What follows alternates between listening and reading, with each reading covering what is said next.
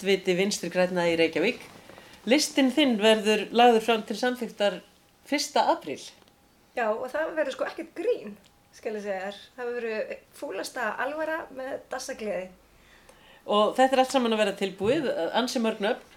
Já, við erum, við fjölgum borgarfulltrúum, eða samkvæmt lögunum hefðum við átt að gera það 2011, en hérna við heittust á því og þeim var sérstaklega fjölgað eins og lög gera ráð fyrir 2018.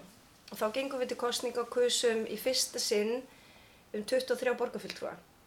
Þannig að ef við ætlum að vera, sem við fáum alltaf bara reyna kostningum með 23 fulltrúa inn í, inn í borgarfulltrúa, þá þurfum við náttúrulega að eiga 23 vara borgarfulltrúa. Þannig að listin samanstendur á 46 manns. Það er heilmikið og meða við það að núna erum við með einn borgarfulltrúa. Hvað heldur að við verðum með marga næst? Það er alltaf ómögulegt að spá. Ég er alltaf, glasi hjá mér er alltaf stútfullt. Þannig að ég segi bara þrjá fjóra og það væri bara glæsilegt. E, og svo vitum við aldrei hvað gerist í kostningabaróttu og hérna, og margir ákveða sig bara sama dag og þau ganga inn í kjörklefan og svona þannig að það er alltaf erfitt um það að spá. Um, síðast, uh, 2018, þá vorum við með þrjusulista, við vorum ótrúlega glöð, það gekk vel, við komum málöfnum skýrt til skila uh, en svo endum við með eitt borgarfulltrúa og það getur sem sagt bara allt gerst í pólitík og við ættum nú að þekka það manna best við vinst ekki ræn að stundum töpum við og stundum sigur við. Þannig að við getum undirbúið okkur fyrir hvort tveggja, við kunnum að tapa, við kunnum líka segra og það er það sem er svona okkar heilla nesti í, í næsta slag. Það er að við stöndum alltaf uppi sem sigurvera hvernig sem fer. En tækifærin til sigur, svo til að fá þessa þrjá fjóra menn, sem að þrjá fjóra fullt trúa sem við ætlum að fá, hvar líka helstu sóknarfæri í kostningabaráttunum núna? Hver eru stóru málinn? Nú mælistu við með tvo og það er mjög gott og hérna sígandi lukkar auðvitað best þannig að eftir því sem álýðir þá vonandi mælistu við með þrjá og svo náðu kannski fjóruminn. En um, það eru auðvitað allt það sem er nálagt manni í borginni og það er umhverfið manns, það er þessi stóðþjónusta sem er inn í hverfum, uh, grunnskólar, sundlugarnar, íþróttahúsin uh, eða bara afþreng, listasöfnin okkar, það að við getum ferðast um borgarlandi, það að við búum í fallegu umhverfi, það að við höfum uh, þakka yfir höfuðið, um, það að öllum lífi vel og við getum fundið okkar tækifæri í borginni þannig að það er alltaf kosi bara um þessa mannlegu þætti sem að borgin getur stutt við þannig að við getum eignast okkar besta líf. Borgarstjórnar meirlutin mælist ekki beint með mikið tröst í svona tröstsmælingum heldur þvert á móti. Það er eiginlega bara borgarstjórn öll sem hefur mælst með lítið tröst og það vil ég líka segja að það er ábyrða hluti að vinna minni hluta. E, vegna þess að minni hlutin hefur hegðað sér að mínu mati og þessi kjörtumabili e, afar ósæmilega og eiginlega bara illa og verið ósangjarn. Það er allt í lagi að gaggrina fyrir það sem að betum að gera. En það er ábyrða hluti að segja satt og rétt frá og ekki tala alla skapaða hluti niður. Reykjavík hefur aldrei verið blómlegri, aldrei betri. Það eru þetta hérna stundum og að koma upp vandamáli eins og var þetta snjómóksturinn og, og sorphyrðun og eitthvað fleira sem eru tímabundin og vel leysanleg og hægt að gera betur næst en, en það er ekki eins og heimur sé að farast í hvert sinn sem að koma upp einhver úrlausnar efni. Og, en minni hlutin hefur sérstaklega notfært sér það og að mínu mati tala borgina niður og líka það sem að vel er gert. E, og það finnst mér vera bara mjög leiðilegt þannig að fólk upplifi það að, að það er ekki gott að búa í Reykjavík. Þannig að það sannlega er gott og best að búa í Reykjavík. Og hingað vil fólk flytja og vera.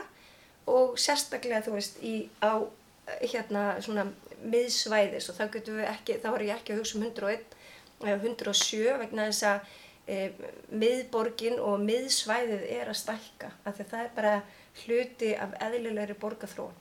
E, þannig að hérna, orðspors áhætt ef við getum talað um það hugtak sko, sem er svolítið fyndið, hún, hún er bara mikil og hún liggur í valdi kjöruna fulltrúa hvernig við tölum og segjum frá því sem er gert í Reykjavík. En þá komum við að því að fólk vil bú í Reykjavík en það er samt sem áður að fjölga rosalega fólki í bara öllum mögulegum nágrannabygðum og fólk kvartar undan því að fá ekki húsnæði í Reykjavík. Er það stærsta áskorunin framöndan? Það er einn stærsta áskorun hjá okkur í Reykjavík og eiginlega finnst mér líka vera ábyrð annara sveitafélaga hér í kring, uh, sérstaklega huguborgarsvæðisins. Ég hef til dæmis talað um það að við mættum uh, vinna miklu meira saman á huguborgarsvæðinu heldur en við gerum.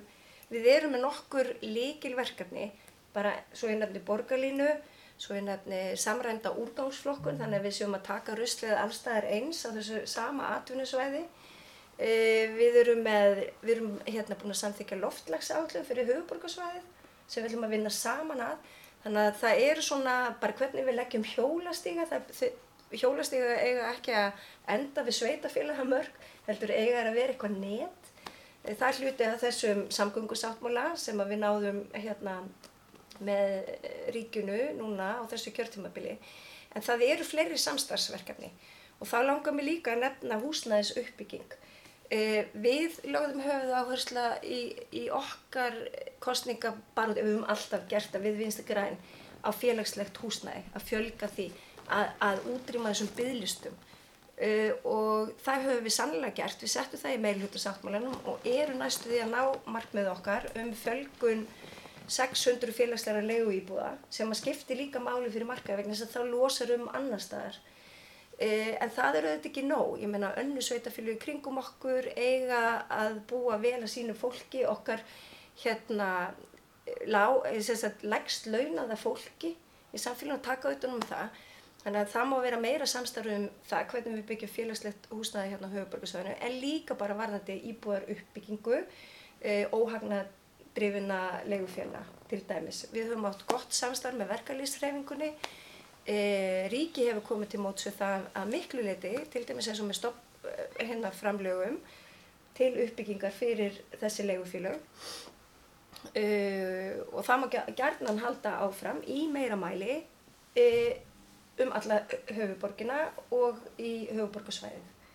Þannig að þetta er eitt af stóru verkefninum sem við þurfum að stíga rækilega vel inn í. Reykjavíkuborg þarf að vera gerandi á húsnæðismarkaði með margvíslegum hætti uh, og setja jafnvel enn frekari kröfu á uppbyggingar aðila uh, á hérna, aðila sem að eiga hérna, lóðir út um alla borg og verktakana og verktaka hvernig húsnæði við byggjum.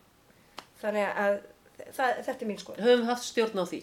Við, við síðan 2014 gerðum við samningsmarkmið sem að voru hvaðir á uppbyggingaraðila um að það ætti að vera e, félagslegt leiguhúsnaði 5%, e, almennar íbúðir 20% e, og svo mættu við jafnvel bara hækka það á næsta kjörtímbali. Hvernig meiri hluta samstarf sér þú fyrir þér á næsta ári? Að þú getur nú ráðið þessu svolítið? Það var auðvitað best að vera ekki neinu meirluta samstarfi.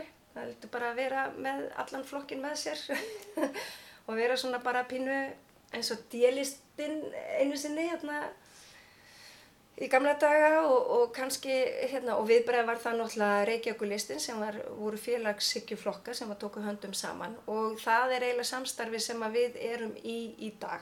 Það er svona þessar félagshyggju áherslur, umhverfis áherslur Uh, þannig að sko það samstarf hugnast mér allra best. Og það er ástæði fyrir því að þessi flokkar ná saman. Til dæmis eins og á málflutningi sjálfstæðisflokksins uh, þá hef ég bara snúið mér undan sko við verðum alveg hreinskilinn þau eru að tala um aukna gjaldtöku í skólakerfi aukna hérna útýsingu grunnverkefna E, þau eru til dæmis á móti mörgum umhverfisverkefnum sem að þau hafa samt einhvern veginn á tillidögum talað um að þessu umhverfisvætt grænflokkur sem að bara mér finnst vera fásina með við hvernig þau séðan kjósa um tillöfur þannig að það er svona ímislegt sem að sittur í mig. Ég menna sjálfstæðisflokkurinn gæti ekki samþýgt uh, aðgera áallinu loftlagsmálum sem að við fórum fyrir í borgastjórn. Hvernig flokkur er þetta? Ég bara, ég spyr mig loftlags hérna váinn er líka eitt af okkar risastóru verkefnum. þar sem við þurfum að vera með bara mjög rótakar aðgerður um alla borg til þess að stemma stigu við loftlagsbreytingum á mannavöldum.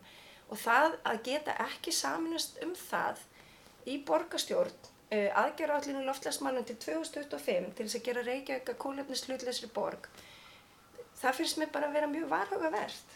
Þannig að það er bara mjög margir uh, efnislegir ágreiningar uh, varðandi uh, stefnu sjálfstæðisflokksins í okkar líkil málum sem við getum ekki fundið fluta, tel ég.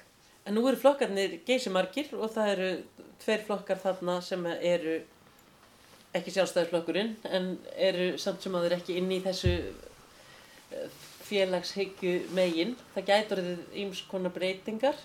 Mm. Hvaða breytingar finnst þér líklegt að gætu helstar orðið? Hvaða flokkar stækju og hvaða mýtt? Já, þetta, sko, það er alltaf gaman að spá og spekulera í þessu og þetta eru bara svona... Ólíkum sviðsmyndum. Já, þetta er svona samkvæmisleikur, sko. Nú veit ég til dæmis til þess að Sanna Magdalena verður áfram borgarfulltrúi sósilistaflokksins og það er margt sem að sósilistar hafa fram að færa sem að tala beintinn í okkar stefnu um, og vinstri stefnuna. Um, svo eru þetta framsókn að koma í borgina og við sjáum hvernig þeim gengur eftir kostningar. Hvort að einar fari til hægri eða vinstri, þau kynna sig sem svona félagssikju miðjuflokk sem er laus við allar öfgar og ég veit ekki alveg hvað það þýðir sko. Er það þá þannig að þú getur bara, þetta eitthvað katalýsor fyrir hægri vinstri, ég veit það ekki. Og ég veit ekki hvort að einar í sínu málflutningi og framsótt fara að halla sig meira til hægri eða, eða vinstri, ég bara, ég, ég veit ekki, það kemur í ljós í kostningabartunni. En vafki allavega hana gengur á bundi til kostninga og eða hvað? Er sko þetta... það er alltaf kurtisi að, að tala eftir kostningar, að tala fyrst við þá sem maður hefur starfa með.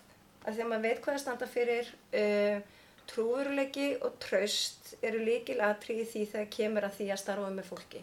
Og þá skiptir ekki alltaf öllu máli hvaða fólk kemur úr hvaða flokkum, heldur hvað býr í fólki. Það finnst mér. Auðvitað er það stefnan og ég menna allir í, sem eru þarna í öndvegi standa fyrir einhverju var þetta stefnu síns flokks. Hildur Björnsdóttir stendur fyrir sjálfstæðistefnuna og það var það sem ég var að vísa í, það margt sem að þau hafa eh, lagt fram tilugur og annars líkt sem að hugnast mér ekki og ég geti ekki samþygt. Um, en svo erum við að starfa með pýrutum sem að skilgreina sig korki, hægri, vinstri og vilja, þú veist, og geta farið einhvern veginn í báðar áttur, kannski svolítið eins og framsókn en samt finnst mér þau vera uh, meiri kratar í borginni heldur að kannski á alþingi. En nú segir Þannig... þú að hver tala fyrir stefnu síns flokks að hvaða leiti skilur vafkja sig frá öðrum flokkum í meirilutarsamstarfinu? Við höfum oft vilja uh, láta, já, við höfum oft verið hugrakkari heldur en aðri flokkar tilbúin til þess að, að prófa eitthvað nýtt, mistakast við hefum oft komið fram með eitthvað eh, algjörlega nýtt, ég menna Átni Þór eh, byrjaði hér fyrstu manna að leggja hjólastíga í borginu, við getum kallað það, það er sérstaklega í, í nafni vinstikræfna. E, Kynjustars og fjárhagsafallun, stýtting vinnuvíkunar, e, allar feminísku áherslunar, loftlæs áherslunar, umhverfisvendin e, og svo lengi mætti telja þannig að við erum oft uh, svona nýstárleg og leggjum eitthvað nýtt á borði sem að mörgum hugnast ekki en oft getum við tala líka fólk inn á það að prófa sem að verður sem eitthvað trend sem að er gott. Við til dæmis höfum ekki kvika frá því að uh, mentu barna eigi að vera uh, endurgjaldslaus. Að það er ekki að rukka fyrir mentum barna, ekki skólamáltíðir, ekki leikskólagjöld, ekki frístundaheimili. Við erum ennþá að tala um það. E, við erum stránt að tekið einn flokka að tala um það sem erum í meiri hlutanum. Af því að við erum með viðreist sem er bara mjög tilbúið í að hækka gælskrár á skólamáltíðir og á leikskólagjöldin. E, við höfum staðið í reyndastandi í vegi fyrir því en við sættumst þó á ákveðna málamilun í meiri hluta uh, sáttmálanum. Þannig að hérna auðvitað vil ég vinna með flokkum sem að vinna að stefnumiðum minnsti græna og að markmiðum líka samfélagsins, það að útrýma barnafátækt. það að hækka fjárhagsaðstóð, það að innleiða NPA fullu og full fjármagna þjónustu við fatla fólk. Um, það má heldur ekki, sko, sko það er annars vegar náttúrulega bara fjárfestingar og svo rekstur og, og svo náttúrulega bara þessi grunnþjónusta sem við þurfum að sinna uh, og lántökur, það er oft verið að tala um að að fjárhagstaða Reykjavík borgar sér slæm, það er ekki rétt, hún er betur en margra annara sveitafélag. Uh, ég er til dæmis alveg hlind því að taka uh, lán fyrir fjárfestingum og þá erum við með leiðir sem eru umhverjusvætni eins og þessi grænu skuldabrif og fleira þar sem við erum að fjármagna uppbyggingu uh, og til dæmis eins og viðhald og eitthvað svo leiðis. Þannig að sko það, oft er kannski blæbriða munur á hvaða leiði við viljum fara uh, og áherslu munur, við viljum gera meiri einhvern tilteknum málumflokki og láta annar liggja uh, en það má samt aldrei verða á kostna þess að geta búið og starfað í fallegri og góðri borg sem að veitir þeim sem verst hafa það það besta sem völur á og það finnst mér að vera líkilatri. Þetta er bara fín lokaord. Takk.